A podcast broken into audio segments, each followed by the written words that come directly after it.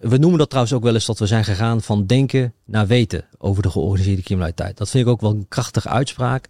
Kijk, wat doe ik daarmee? Kijk, voorheen hadden we altijd aannames. We dachten, zo zit het ongeveer in elkaar. Maar ja, nu, de Nederlandse politie, die weet nu hoe het in elkaar zit. Omdat we gewoon feitelijk Mm. het bewijs hebben. Ze hebben het namelijk zelf gezegd hoe het in elkaar zit. Hoe de netwerken zich verhouden, wie de kopstukken zijn, wat de modus operandi zijn en hoe dat werkt. Dus we hebben een goed beeld.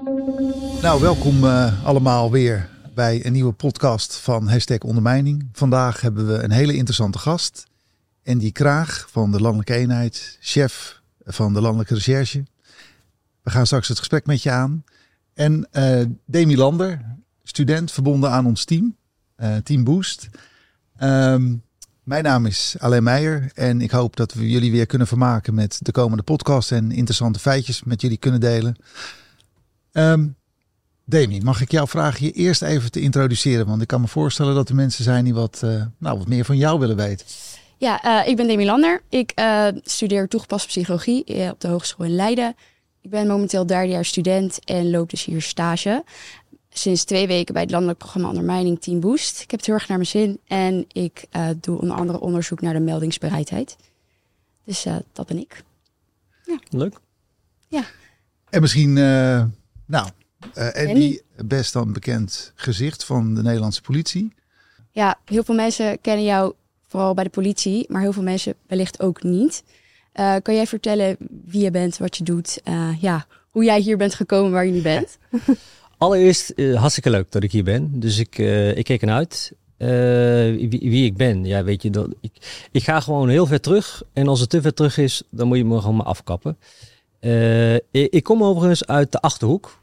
Eh, dat zeg ik altijd wel, omdat die nuchterheid daarvan ook wel een beetje in me zit. Hè. Dus als je toch vraagt wie ik echt ben.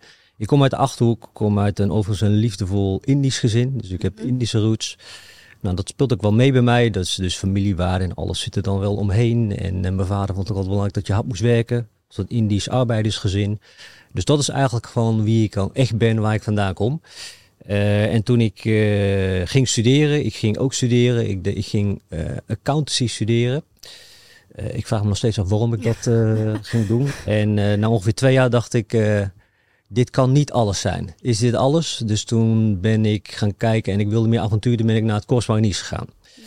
Eh, naar het Corps Mariniers gegaan. Ik heb daar gesolliciteerd. als officier bij het Corps Mariniers. Eh, en wa- wat je dan doet, dan, dan ik mocht komen. En dan heb je de selectie voor de opleiding, want die is vrij pittig. Het is ook wel fysiek ook wel pittig. En, en ik had het niet zo zwaar gehad. Ik, ik was student, ik woonde boven een kroeg, dus ik had een niet zo andere levensstijl. Eh, en dan heb je twee dagen selectie. Dat heet de post trouwens, de praktische officiers selectietest. Twee dagen. Dus overigens nog steeds het zwaarste wat ik ooit gedaan heb in mijn leven. Eh, omdat je daar gewoon even mentaal gewoon getest wordt. Eh, was overigens ook meteen mijn eerste echte levensles. Dus omdat ik daar echt... Nou, die instructeurs hebben toch iets in mij gezien. Maar wat, maar wat ze ook hebben gedaan, dat ze zeggen, ja weet je, die, dat vind ik altijd nog wel mooi. Dat heb ik ook gewoon van ze meegenomen, die uitspraak. Ja, weet, het is niet zozeer de grootte van je spierbal, maar het is de grootte van je grijze spier die belangrijk is. Dus hoeveel volharding, hoeveel mindset heb je? En daar hebben ze naar gekeken. Dus dat waren die twee dagen voordat ik de officiersopleiding in kon.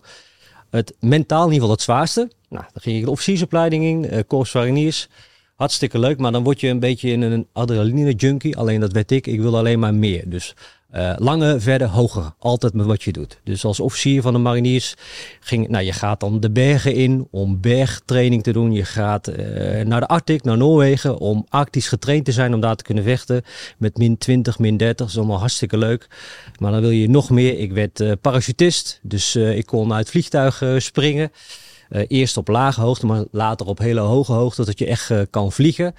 Uh, overigens, wel leuk, kijk, als parachutist weet je eindelijk waarom de vogeltjes fluiten.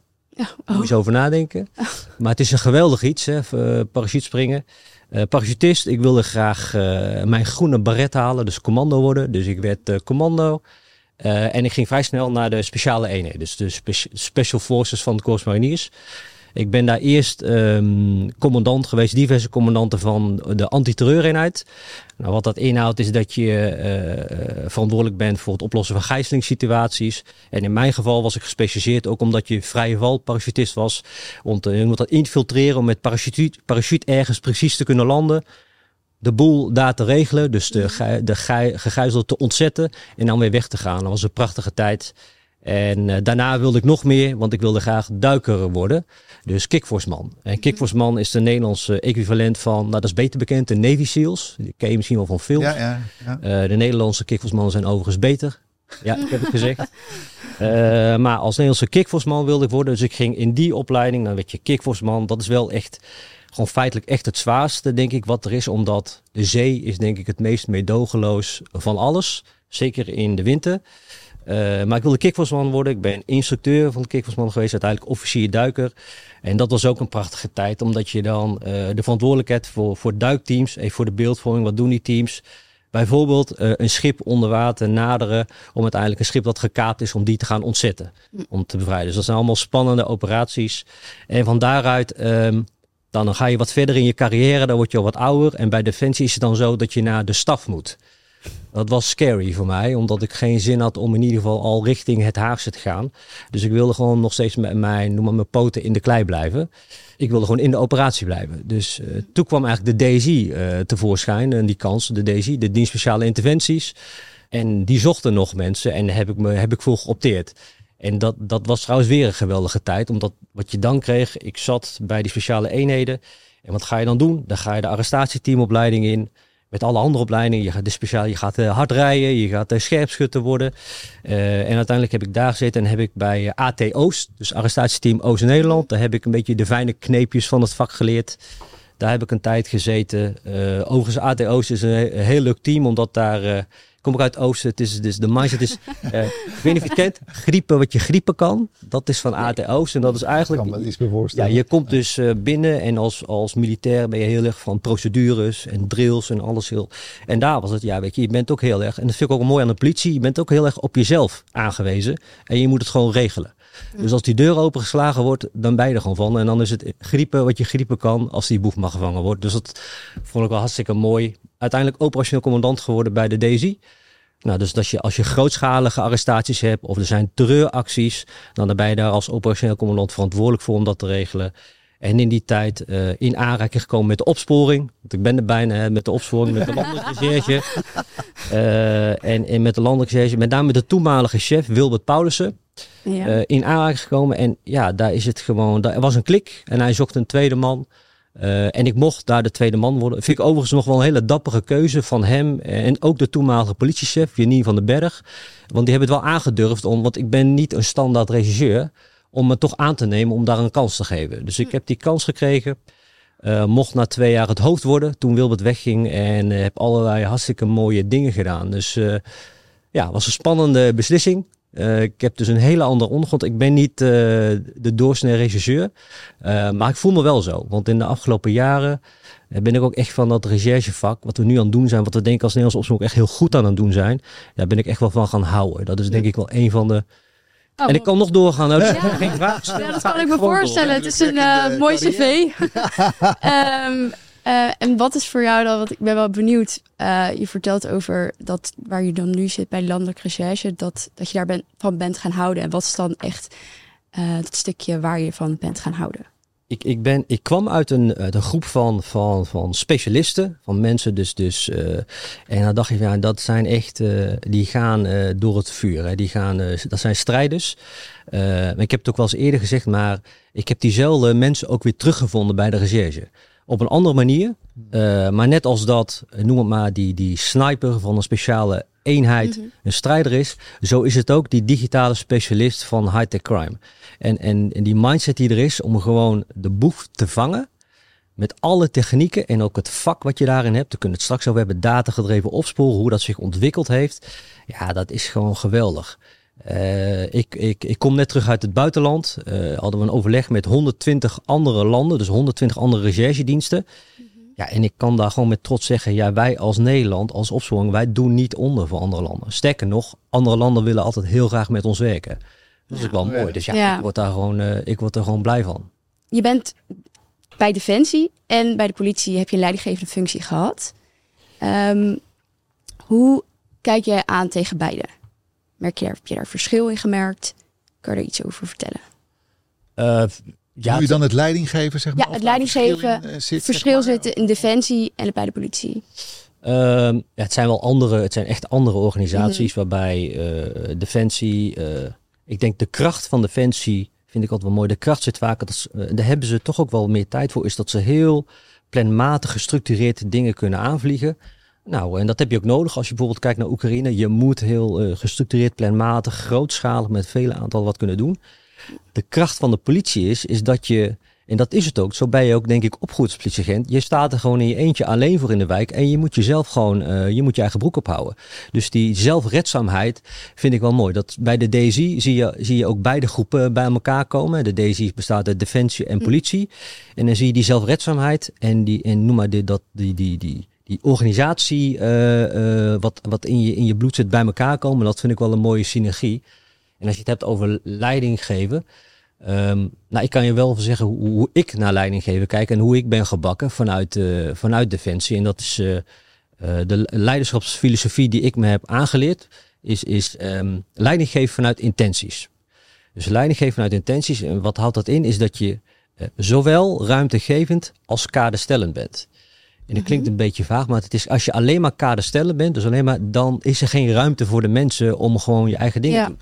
Maar als je alleen maar ruimtegevend bent, dan gaat dat alle kanten op. Ja. Dus leidinggeven uit intentie is dat je heel scherp aan de wind vaart. Van, ik, ik zeg nooit tegen mijn mensen, toen ook niet, heb ik het me aangeleerd, maar ook niet nu, hoe dingen moeten gebeuren.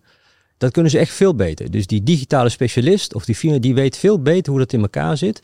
Maar ik ben wel heel duidelijk in wat er moet gebeuren en met name ook waarom het moet gebeuren. Mhm. Dus de intentie erachter. En als die scherp is, als je focus hebt in de intentie, dan gaat vanzelf gaat dat gewoon opvliegen. Uh, dus dat is één. Ik denk dat dat binnen de politie ook is. We noemen het als commanders intent. Dat is een Engels woord. Maar het gaat eigenlijk om leiding geven vanuit intenties. En uh, voor mezelf, ik heb gewoon drie principes die ik gewoon toch al dat, uh, met schade en schande met bloed, zweet en tranen is het er ook ingestand met training, met opleidingen waar ik me aan hou als leidinggevende. En dat is één, is dat ik, uh, als ik iets doe, dan pak ik ook gewoon eigenaarschap. Dat zeg ik ook hm. tegen mensen. Als je iets doet, weet je, own it dan. Pak dan ook gewoon het eigenaarschap. Jij bent ervan, jij bent verantwoordelijk. En dat betekent dus ook, want als, je, het, als het jouw baby is, dan geef je ook niet op. Ja. Dan is opgeven ook gewoon geen optie. Ja. Het tweede is, is dat als je iets doet, zeker als leidinggevende, en dat is ook wel een beetje binnen de overheid, toon dan wel realisatiekracht. Hm. Eh, we zitten hier niet in een procesorganisatie tot het alleen maar gaan vergaderen om het vergaderen. Maar als je iets doet, maak dan iets dat je daadwerkelijk ook iets hebt dat het, dat het werkt in de buitenwereld. Want wat ik heb ervaren, zowel politie als defensie, is dat we echt we plannen genoeg. Hele bureaulaars liggen vol met hele goede plannen, maar die hebben het daglicht nooit gezien. Dus jij als leidinggevend, het is jouw verantwoordelijkheid om ervoor te zorgen dat zo'n plan wel het daglicht ziet. Dus dat je het realiseert. Dus dat er gewoon iets uit gaat komen. En als laatste. Een vraag? Oh, sorry. Ga als laatste, want ja, misschien is dat, dat is het derde. Dat vind ik misschien nog wel het belangrijkste als leidinggevende, politie of defensie, waar dan ook. Probeer gewoon te inspireren. Probeer gewoon te inspireren met zoals je bent, eh, hoe authentiek je bent. Ik blijf mezelf. Iedereen die er is, iedereen is anders. Blijf jezelf, dat is het krachtigste. En inspireren doe je ook dan wel vanuit de inhoud. Dus, dus dat je focus geeft, richting geeft op iets wat ertoe doet. ik, ik, kan niet inspireren door te zeggen, weet je wat, uh, alle cijfertjes bedrijfsmatig moeten op orde zijn. Dat is ons doel. Yes, we zijn geïnspireerd. Dat werkt niet. Maar wat wel inspireert is, wij zorgen er gewoon voor dat niemand onaantastbaar is in Nederland. En daar zit een hele wereld achter. En dan mijn vraag eigenlijk. Hè? Hoe kom je aan je doelstellingen? Is dat iets wat bij jezelf ontstaat? Of dat doe je in samenspraak met, met anderen? Of is dat van bovenaf opgelegd? Hoe werkt dat? Uh, ja, je hebt de formele doelstellingen die je samen met het gezag, dus in dit geval met het landelijk pakket hebt. Dan heb je nou uh, de, de, cijfers die je moet halen. Je moet op, op cybercrime moet je zoveel onderzoeken doen. Je moet zoveel CSV's moet je hebben aangepakt. CSV's, dus criminele samenwerkingsverbanden. -hmm. Allemaal prima. Maar dat zijn allemaal geen inspirerende doelstellingen. Uiteindelijk is de doelstelling denk ik, van de recherche in Nederland is gewoon het aanpakken van de internationale georganiseerde criminaliteit. Ja. En als wij het idee hebben dat we dat effectief en efficiënt doen, dan is het doelstelling bereikt. Dat is ook iets wat je moet voelen, want dat inspireert meer dan dat ik zeg, hebben we al 20 CSV's aangepakt. Althans, bij mij werkt dat niet zo. Uh. Ja. ja. Nee. Misschien worden mensen, dan worden mensen zenuwachtig ook van, oh jee, wat zegt hij nou? Maar dat is het wel. Hè. Tuurlijk zijn er metrics, zijn er maatstaven. Maar uiteindelijk je doelstelling moet komen uit je bedoeling. Uit Ja. dat wat je wil bereiken. Even om terug te komen op georganiseerde criminaliteit. Want je zei het net al. Hoe kijk, je, hoe kijk jij of hoe kijkt de landelijke recherche tegen georgani- georganiseerde criminaliteit aan? Ehm, nou, kijk, de, de- de hoofdtaak van landelijke recherche is bestrijden van internationale georganiseerde criminaliteit. Eh, en waarom? Omdat dat ondermijnende effecten heeft. Hè? Want er is heel veel discussie, ondermijning, eh, Ja. definitiediscussie ga ik niet, vind ik ook niet zo interessant eigenlijk. Zo- Zoals ik er naar kijk, georganiseerde, georganiseerde criminaliteit moet aangepakt worden, want het heeft ondermijnende effecten. Weet je wel, het geld verdwijnt in de bovenwereld, dus witwassen, eh, corruptie, eh, al het geweld wat eruit komt. Dus, dus daarom door het georganiseerde criminaliteit. Eh, wat ik trouwens ook vind in de georganiseerde criminaliteit, waar komt dat vandaan? Voor een groot deel komt dat van de drugshandel. Dus van die ongelofelijke drugshandel die we zien in Nederland. Ehm, eh, dus als jij mij vraagt van hoe kijk je naar de georganiseerde criminaliteit? Ja, het is iets wat we vol moeten aanpakken, omdat dat bijdraagt in de bestrijding van de ondermijning. Ja. Eh, waar komt het vandaan? Ja, het komt echt voor een groot deel, dat zien we ook. Dat is niet eens wat we denken, dat weten we gewoon. Dat komt voor een groot deel gewoon van die drugshandel ja. af. Ja, en dat is een breder vraagstuk. Hè? Dat helpt Ja. je niet alleen maar met recherche, maar dat zijn grotere vraagstukken. ja. En is er iets daarin waar je je zorgen over maakt? Dan ga ik een, een stapje terug van, kijk, eh, die, die georganiseerde criminaliteit, we hebben daar goed zicht op. We hebben, daar, we, hebben, we hebben echt een beeld erop en dat, eh, eh, dat kan ik best wel met vertrouwen zeggen. Want dat is onder andere omdat wij al die successen hebben gehad op die versleutelde telefoons. Die PGP-toestellen, eh, miljoenen tot en met meer dan een miljard berichten die, die eruit zijn gekomen. Dat, dat, dat levert allerlei eh, successen op in zaken, maar het levert ook veel inzicht op in hoe je kijkt naar de georganiseerde criminaliteit. Eh, en als je, eh, we noemen dat trouwens ook wel eens dat we zijn gegaan van denken naar weten over de georganiseerde criminaliteit. Dat vind ik ook wel een krachtige uitspraak. Wat doe ik daarmee? Kijk, voorheen hadden we altijd aannames. We dachten, zo zit het ongeveer in elkaar. Maar ja, nu, de Nederlandse politie, die weet nu hoe het in elkaar zit. Omdat we gewoon feitelijk Mm. het bewijs hebben. Ze hebben het namelijk zelf gezegd hoe het in elkaar zit. Hoe de netwerken zich verhouden, wie de kopstukken zijn, wat de modus operandi zijn hoe dat werkt. Dus we hebben een goed beeld. Ja. Eh, en als ik kijk naar de georganiseerde criminaliteit, zie ik daar verschillende kenmerken in. Die allemaal net zo zorgwekkend zijn. Dus ik probeer iets te destilleren. Het zijn meerdere kenmerken die, die erin zitten. Eén daarvan is eh de, de, eh zwaakrie of georganiseerde criminaliteit. Dat is, eh, dat, dat, dat, is dat, dat begeeft zich als een netwerk. Dat is als een netwerk. Dus niet zozeer wat je soms in Netflix ziet. Dan zie je weer de oude met, met één grote baas die Mhm. alles runt. Dat is gewoon niet zoals het werkt. Het werkt gewoon als allemaal gelegenheidsnetwerken. Die iedereen werkt met elkaar. Iedereen doet zaken met iedereen. Eh, en waarom ik dat nou zo belangrijk vind om te benoemen, is omdat als je weet hoe dat werkt, dan kan je er ook op acteren als politie. Dus als je netwerk ziet, dan is de enige manier om dat te bestrijden, om je ook zelf als een netwerk te gedragen. Dus als een recherchedienst, dus wij samen met de regionale recherche moeten kijken hoe kunnen wij als een netwerk tegen dit netwerk aan. Dat is, dat is één kenmerk waar je ziet dat is echt anders geworden eh, eh, dat het beeld dat we hadden. Nou, internationaal is een beetje een, eh, een open deur, maar dat is, kijk, er is geen enkele criminele groep die internationale drugshandel doet, ja, die niet over de landsgrenzen heen gaat. Hm. Eh, maar wat het jou zegt als Nederlandse opsporing, is dat je dus internationaal moet gaan werken. Dus je moet intensief gaan samenwerken met andere landen. En dat is een vak apart. En dat betekent echt dat regisseurs echt gewoon de hele wereld overvliegen om een Nederlandse zaak te doen. Dat is soms wel een contradictie. En ik, nou doen we het dan. Nou, ze zitten eigenlijk soms wel meer in het buitenland dan in Nederland. Mhm. Ehm, wat het is, wat ik, waar ik me ook zorgen maak, wat je ziet, is dat die, die georganiseerde criminaliteit, die, die, die, die werkt heel corrumperend. Dus zij hebben corrupte contacten nodig om hun werk te doen. Ze hebben een platte douanier nodig.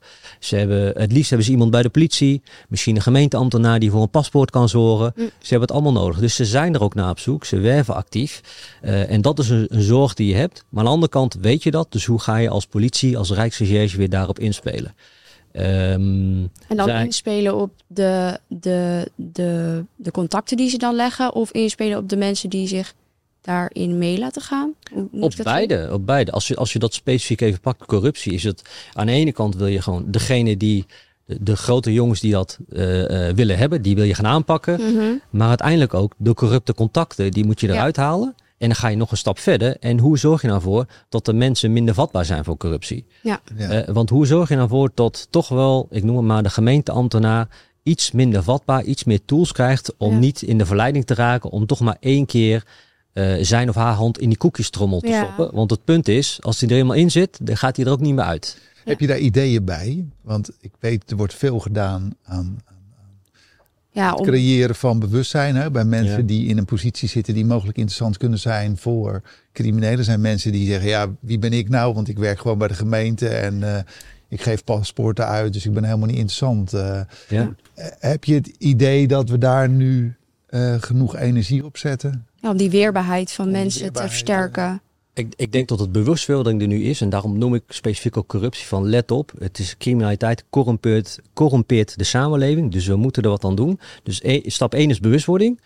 Eh, zijn we er nu? Zijn we nog niet? Dus daar moeten we nu mee bezig gaan. Want, want wat je niet kan bieden, het is toch zo dat uiteindelijk een crimineel echt wel meer geld kan bieden dan dat jouw maandsalaris is. Ja. Nooit overheen. Daar kom je niet Nee. overheen. Dus het, Nee. het zit hem op andere elementen. Nou, eh, over een paar weken ga ik bijvoorbeeld naar eh, eh, de PI's. Dan ga ik naar de PI en dan ga ik praten met PI-bewakers. Omdat het Mhm. ook zo'n groep is Ja. waar criminelen Ja. toch graag invloed op willen hebben. En hoe Ja. maak je ze nou weerbaar? En dat gaat in weerbaarheid, dat gaat ook in de waarschuwing. Je kan misschien één keer in de verleiding stappen, want dan is misschien die, die, die 10.000 euro interessant. Maar het punt er is, je komt er nooit meer uit. Je komt er nooit meer uit, want dan ben jij hoekt. Dan hebben ze jou en als je eruit wil, dan heb je een groot probleem. Dus dat is iets wat je gewoon in een soort van preventie wil doen. En zo zijn er meerdere dingen. Het is, het is ook awareness hoe je omgaat als persoon met social media. Hoe, Mhm. hoe vatbaar ben jij voor eh, corruptie? Ja, ik, ik, wij- tegen ons recherche, ga nou niet op social media zetten dat je bij de landelijke recherche werkt. Ja, ik doe het wel, eh, maar over het algemeen anderen niet. Dat is onverstandig, want je maakt jezelf toch wat meer vatbaar. Ja. En zo zijn er heel veel punten.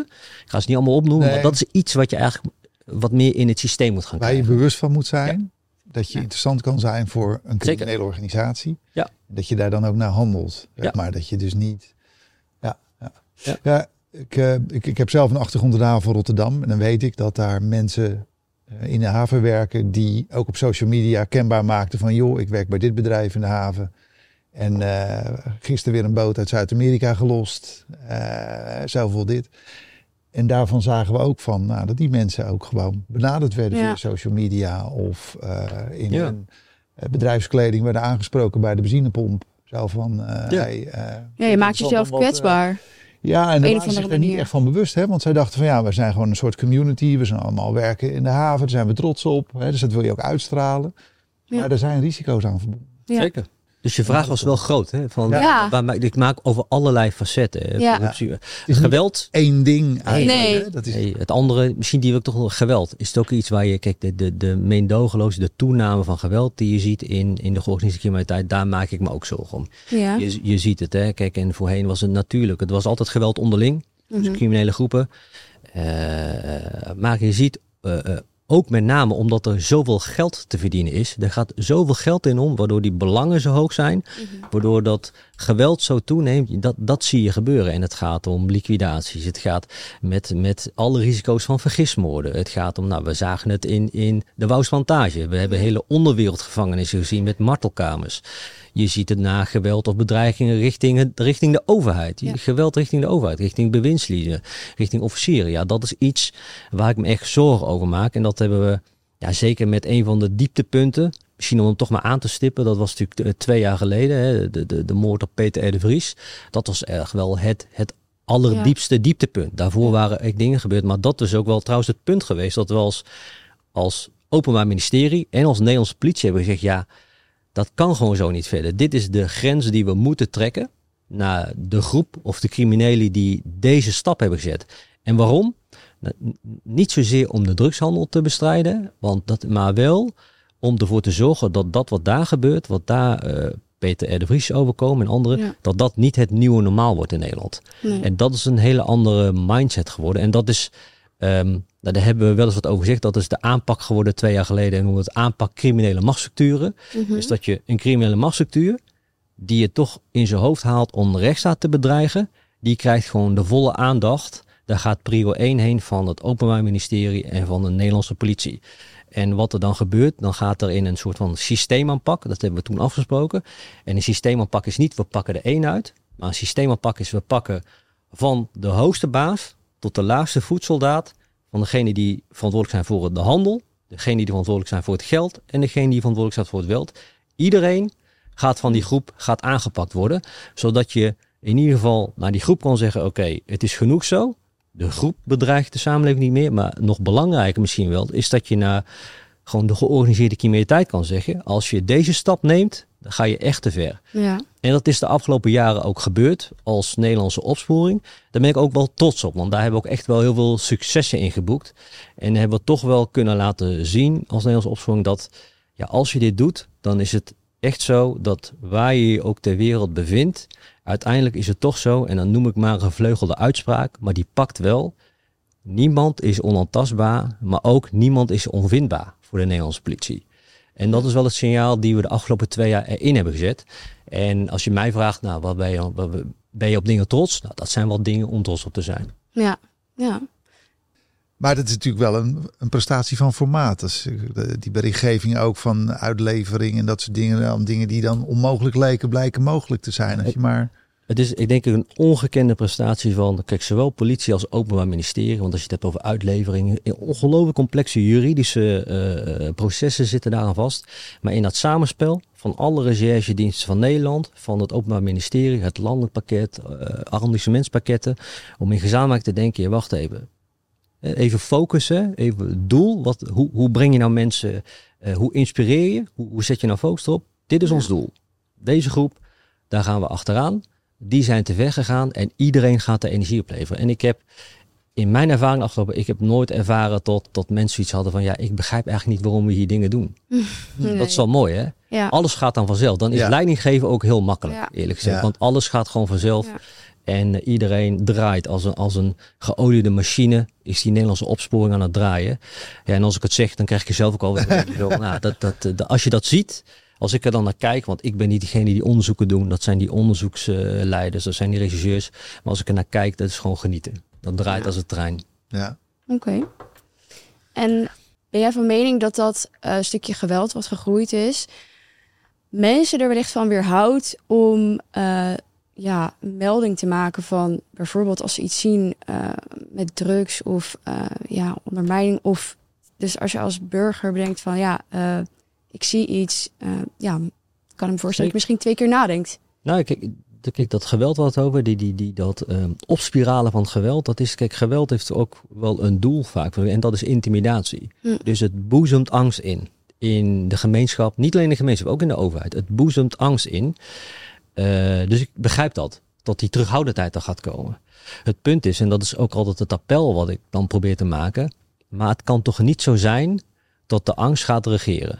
Dus je zal toch die stap naar voren moeten zetten. En als politie zal je het vertrouwen moeten geven dat als iemand een MMA-melding doet, dat dat ook echt wel anoniem is. Dat is overigens ook echt Ja. anoniem. Dat als iemand iets ruikt in de wijk van, nou, dit is wel heel gek, want er is hier geen fabriek, maar het ruikt hier naar een chemische fabriek, dat hij dan toch gaat bellen, want wellicht is het daar, eh, is daar een, een, een lab Ja, Ehm, dat je dan wat vertrouwen geeft, maar dat blijft ook anoniem. Eh, dat als iemand wat ziet in geweld, dat je, dat je toch het gevoel geeft, ja oké, vertel het nou maar, want dan kunnen we daar op act- acteren. De verantwoordelijkheid van ons als overheid is dus dat je moet gaan acteren dan. ja, Dus als ze ook zien, eh, er gebeurt wat met wat ik zeg. Ehm, de verantwoordelijkheid van de mens is, en daar appelleer ik op, weet je, we hebben een gezamenlijke verantwoordelijkheid om georganiseerde criminaliteit aan te pakken. Wij als politie doen er alles aan, maar hebben ook gewoon de hulp van de maatschappij nodig. ja. En MMA-meldingen, eh, et cetera, alles, eh, de tips, ja, dat helpt gewoon de opsporing. En als, ik het en als mensen het nog niet wisten, MMA-meldingen, tips, alles wat jij vertelt, dat helpt gewoon de Nederlandse opsporing. Dus voel je je geroepen daartoe, doe het dan ook gewoon. Ja. Ja, mensen kunnen dus de, het algemene politienummer bellen. Ehm, en voor de mensen die misschien niet weten wat MMA is, dat is meldmisdaad anoniem. Ik kan me voorstellen dat niet iedereen deze afkorting eh, helder heeft. Ehm, en dus ja, het is de verantwoordelijkheid van de, eh, ook van de hele samenleving, ook van de burgers. Maar hoe denk je dat de politie en ja, Ja. een stukje veiligheid kan, dan kan geven dat mensen, dus burgers, dan toch die stap zetten? Nou, wat je net al, kijk, als het een, een meldmisstand anoniem, dan is een van de belangrijkste voorwaarden is dat het anoniem blijft. En tot mensen dus eh, ook het vertrouwen hebben dat als ik dan toch die melding doe, tot mijn naam niet ergens tevoorschijn Ja. komt. Ja, hoe garandeer je dat? Door dat te doen. En ik heb het nog niet gehoord dat het ergens niet is gaan. Ik, ik denk namelijk dat dat systeem heel goed werkt. Hè? Ja, Dus als we dat hier, als we toch een, hier het platform voor hebben, eh, nogmaals, dat systeem is gewoon hartstikke goed. Eh, dat vertrouwen heb je. En daarnaast, wat ik al zei, ja, en dan moet je daarna ook wel als politie, als overheid laten zien dat je er wat mee doet. ja, ook op gaat acteren. ja. Want anders Ja. wordt het wel ongemakkelijk. hè? ja. Dat is terugkoppeling naar de meldingen mensen van... eh, En dan Ja, je- niks. Ik ik denk dat hè, je moet het vertrouwen ook van de mensen verdienen door te handelen. Als Precies. mensen Ja. eh, beroep op je doen als politieorganisatie en je levert niet, dan zeggen ze ja, de volgende keer dan eh, denk ik, bedenk me al drie keer voordat ik weer Ja. zo'n melding maak of zo. Ja. Dus Ja. dat is eigenlijk een soort van vliegwiel. Als mensen in de media lezen van hé, hey, er is een inval geweest bij een eh, drugslab en die melder die anoniem is, die leest dat bericht. Want die wordt verder natuurlijk niet meer gecontact, omdat we niet weten wie dat is. Maar die ziet wel van, hé, hey, het heeft dus effect. effect, ja. En mensen in de buurt lezen ook van, hé, hey, dat heeft dus effect. Hè? En volgens mij is jouw appel ook van, het is niet alleen de politie, het OM en alle overheidsdiensten, maar het is ook de samenleving die aan zet is om de criminaliteit te beteugelen in, onze, Zeker. Kijk, in ons land. Eh, het is, het is, ik denk echt dat het een gezamenlijke verantwoordelijkheid en, en kijk, mijn persoonlijke opvatting, kijk, die, die drugshandel, ik, ik vind dat een bedreiging voor de samenleving. Dat zijn, dat zijn stevige woorden, maar ik kan het zeggen omdat je er elke dag mee bezig bent. Wij zien gewoon wat er achter die druk, wij zien gewoon wat, wat er achter dat lijntje kook en achter die pil schuilt. En dat is echt een schaduwwereld waar maar weinig mensen gelukkig in Nederland gewoon weet van hebben. Maar dat is niet best.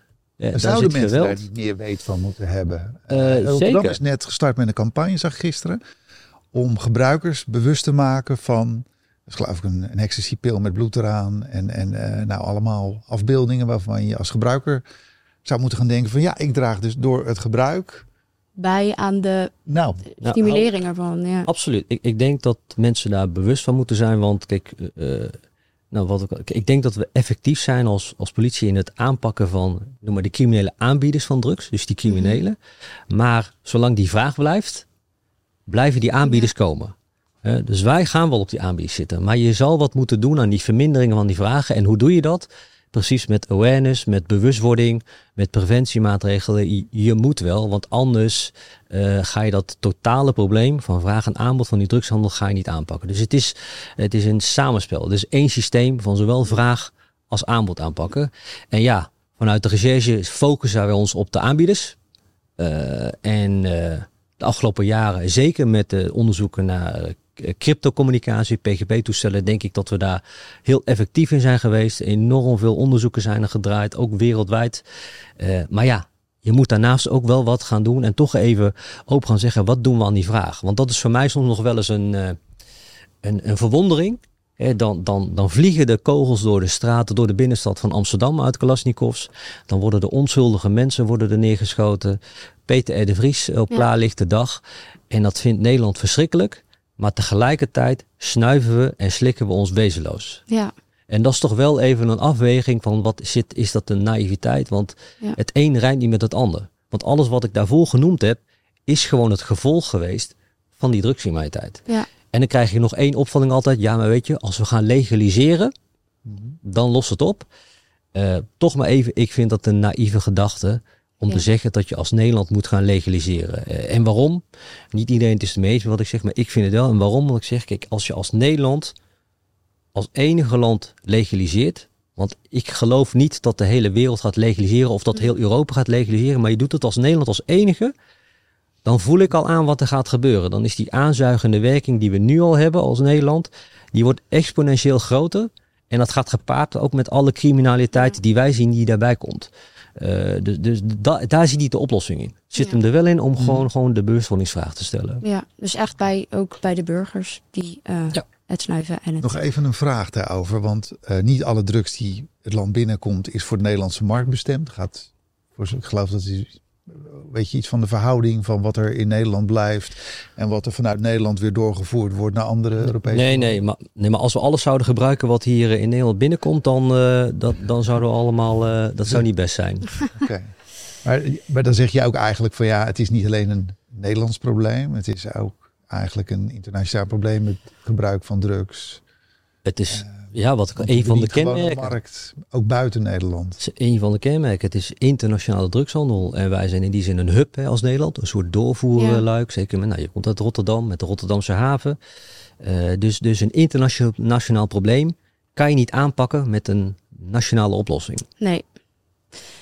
Nee, en ik ben wel benieuwd, want ehm, hoe, hoe gaat dat in zijn werk? Ik bedoel, eh, hoe komen jullie erachter eh dat zoiets via ja, berichten of hoe? Er zijn legio manieren hoe je erachter komt. En je hebt wat meer de, de, de klassiekere variant die voorheen was. Nou, dan. eh, nou, het, is, het is bijna. Het is ook wel. niet- Weet je, het is wat je ziet. Hè, dan, dan kom je ergens achter. Of er wordt ergens over gesproken. Er is, een, er is een informant die wat vertelt. Mhm. Of er wordt wat gesproken over een lijn waar je een tap op hebt zitten. Dus je luistert mee. Of het is een keer een, een, een, andere. Je komt ergens achter. Of je krijgt een tip vanuit het buitenland. En dan ga je. Dat is eigenlijk je aanleiding van het onderzoek. En dan ga je starten. En uiteindelijk ga je je onderzoeksmiddelen inzetten. Dus onze onderzoeksmiddelen. Daar ga je verder als een, als een team erop zitten. En dan ga je draaien. En uiteindelijk hoop je bewijs te verzamelen. En uiteindelijk is het bingo. Je hebt Mm. de groep. Of je ziet de onderschepping daarvan. Dat, dat is één. Dat is, dat is wat er al, al heel veel gebeurt.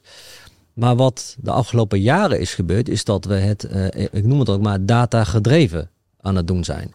Eh, en data gedreven, dat is eigenlijk een, dat is een proces. Dat is ook een- binnen de Nederlandse opsporing is dat nu eh, langzaam aan het inbedden, is dat je eh, gerichte datacollectie doet. Dus gerichte grote datacollectie. In dit geval bijvoorbeeld van PGP-telefoons. Mhm. Heel veel berichten worden eigenlijk gewoon onderschept.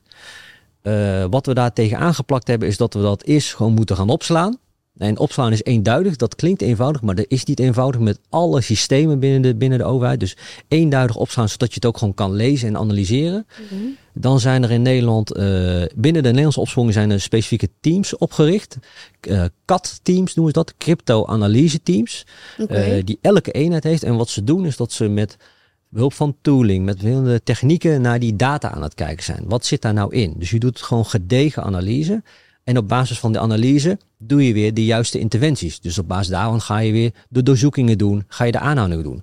en die daar komt- data, want ik, ik, heb, ik heb er helemaal geen verstand van. Nee. hoe kunnen ze in die data kijken? Hoe? Nou, dat, dan heb je een grote bak met data. Het zijn gewoon databases met Ja. berichten. En zij hebben tools, ze hebben artificial intelligence tools, ze hebben zoektools om te kijken in de data. Nou, wat zien we dan? En, en, en een beetje de geëikte ding is dat nou, als, als een crimineel A met crimineel B praat eh, en er wordt gesproken over eh, eh, een blok. Mhm. Nou, dat betekent vaak dat het gaat over een kilo kook. Oké. gesproken over dat iemand moet gaan slapen. Slapen is vaak is dat ze iemand eh, willen gaan vermoorden. Dus je kijkt in een bak. eh, al die regisseurs die kijken naar, die zijn aan het zoeken. En, en je kijkt gericht alleen maar naar, naar criminele handelingen. En als er criminele handelingen in voorkomen, ja, dan, dan popt dat uit. En dan ga je kijken, kan je daar verder op reageren? Daar komen die interventies uit en dat zit weer in die data. Dus die, die hele cyclus, gerichte datacollectie, daar gaan we analyseren, daar gaan we ingrijpen. Komt er informatie uit, datacollectie, analyseren, ingrijpen. Datagedreven opsporen, dat is wat we nu aan het doen zijn. Dat hebben we eigenlijk binnen de Nederlandse opsporing erin gesleten. En dat is denk ik een van de grootste doorontwikkelingen geweest van eh, de recherche van de afgelopen jaren. Oké. En loopt, eh, want ik hoorde je net zeggen, Nederland heeft wel een behoorlijke reputatie op dat gebied. Maar dus wij lopen voorop ten opzichte van andere mensen of eh, andere landen. Als het gaat om het collecteren van die informatie, of het bij elkaar brengen, het analyseren. En Ik denk dat wij samen met een paar eh, grote landen gewoon voorop lopen hierin. En zeker als je het hebt over de successen op de versleutelde telefoons. nou, in de volksmond de PGP-telefoons. Eh, inmiddels hebben we daar zeven grote, zeven grote onderzoek op gedraaid. In 2016 was het eerste. Dat was het onderzoek op, eh, dat noemen we dan die BlackBerry Messenger. Die Blackberries met ja. die toetjes nog. Zo heel lang geleden. Toestellen. bij de politie Dat hebben we bij de politie nog gehad. Maar die Ook? toestellen, dat was toen eh Enetcom. Dat was eh, de allereerste. Nou, in die geval hebben we er zeven gehad. En de allerlaatste was trouwens dit jaar ook nog. Dat was Exclu. Nou, groter daartussenin. Wat heb je ons gewoon gehoord? Sky eh, daar hebben we op gedaan. eh EncroChat. Er zijn er meerdere. En op al die onderzoeken waren we als Nederland niet als enige. Want het is altijd internationaal. Je doet Ja, het met diverse landen. Mhm. Eh, maar we waren altijd wel betrokken. Dus in die zin zijn we wel eh, ja, een, een, een graag geziene partner in de internationale ik kan me bestrijding. ook voorstellen dat criminelen denken van ja, dat gaan we voorlopig even niet meer doen. Dus dat ze eh, gaan uitwijken naar andere manieren van communicatie. Ja, kijk, het, het punt is, is dat uh, communicatie inmiddels gewoon de Achilleshiel is geworden van crimineel handelen. Zeker van internationale drugshandel. Want je moet communiceren met elkaar als je iets wil doen internationaal. Dat kan niet zonder communiceren. Uh, en dat weten wij. Dus wij grijpen ook in op die communicatie. Het is ook wel uh, de zin die we noemen. Kijk, heb je als opsporing controle op de communicatie, dan heb je als opsporing controle op de operatie. Ja. Ja, is dat dan ook echt iets waar jullie, uh, waar jullie op doelen in zo'n uh, onderzoek? Ja, 100, dat, is, dat is een van onze speerpunten. Ja. Dat is de, de visie waar we op zitten. Wij willen gewoon controle op de, op de communicatie van criminelen. Want dan weten we, dan heb je controle op de operatie. En, en inderdaad, dan zou je zeggen, ja, dan moeten ze toch wat anders doen. Dat klopt, maar ze moeten blijven communiceren. Ja. En wellicht op andere dingen, maar zo is het ook. Wij kijken ook een stap vooruit. Ja. Dus het is niet zo dat wat je nu ziet in de media, dat dat het dan ook is. Okay. Uh, en dat kan okay. ik met vol vertrouwen zeggen. Ja. nou, Oké. Okay. Geruststellende gedachte, ja. nou, ik, ik vroeg me nog af, hè, die, uh, je zei net van nou, dat is vooral een, ook een internationaal gebeuren. Hè, die uh, opsporingsdienst, ik meen volgens mij met Frankrijk en allerlei andere overheden, ehm, politiediensten. Um, heeft de Nederlandse politie inmiddels ook al een soort reputatie bij criminelen? Dat je, uh, ik kan me ook voorstellen dat uh, niet uh, echt aanmoedigt. Die zegt van, nou ja, in, in, Nederland worden nu aan de lopende band criminelen vastgezet. Misschien moeten we onze activiteiten gaan verleggen buiten Nederland om. Is dat, is dat een... Ik speculeer maar even, hè, dat ja. we zeggen, ja, weet je waarom zouden we zoveel risico lopen als we uh, via de haven van Rotterdam of via het Nederlands grondgebied gaan, terwijl we dat misschien als wij ergens via Spanje, waar ze dan wat minder of zo. Ja. Is, dat, is dat een kan je, kan je nou, daar iets over zeggen? Is dat een. Ik, ik denk dat als je het hebt over, in dit geval, je noemt het over noem maar, uh, drugscriminaliteit. Hè? Drugscriminelen is dat uh, hoe goed wij ook gewoon het aanpakken, die aanbieders, uh, niet als Nederland, maar ook als landen. Kijk, zolang die vraag blijft, nee. zullen ze het blijven ja, doen. Ja. want daar is gewoon, daar zit zoveel winst in te pakken. Dus daarom ook het appel, niet alleen met de opsporing, maar kijk breder in die bredere aanpak.